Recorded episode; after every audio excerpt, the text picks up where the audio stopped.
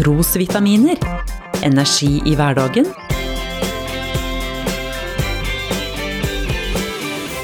Ved Norea-pastor Svein Anton Hansen. Et par somre så jobba jeg som sikkerhetsvakt ved et verft som lager oljeplattformer. Gjennom mange måneder hadde dyktige sveisere, og rørleggere, ingeniører og andre fagarbeidere jobba med å montere sammen produksjonsmodulen. Nå var den klar for å heises om bord på en lekter som skulle ta den ut til Nordsjøen. Det var utrolig spennende og stort å se på når den enorme heisekrana løfta modulen på plass. Krana med kjettinger og vaiere og kroker kunne løfte tungt flere hundre tonn. Det interessante er følgende. Ta den samme heisekrana og senk vaieren og kroken ned i vannet ved sida av lekteren. Dra så opp kroken. Hvor mye vann får du med? 100 tonn? 1 tonn? Ja, i alle fall i det minste 1 kilogram? Nei, kun noen dråper feil fra kroken idet den kommer opp av vannet. Heisekrana som nettopp har løfta en oljeplattformmodul på 100 tonn, klarer altså bare å løfte med seg noen få dråper vann. Hvorfor klarte den ikke å løfte mer? Fordi det ikke er hold i vannet. Heisekrana mangler ingenting.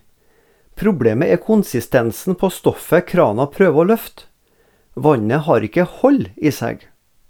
Guds lov, de ti bud, er store og gode nok til å løfte et samfunn, et folkeslag, ja, en hel nasjon opp til moralske høyder.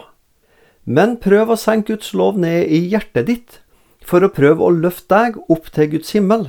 Det makter Guds lov ikke. Hvorfor? Fordi det ikke er noe hold i menneskenaturen til å klare å holde Guds gode vilje. Paulus sier det slik til romermenigheten, og dermed til oss alle.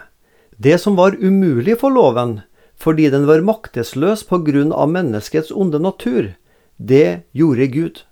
For syndens skyld sendte han sin egen sønn i syndig menneskers skikkelse og holdt dom over synden i vår natur.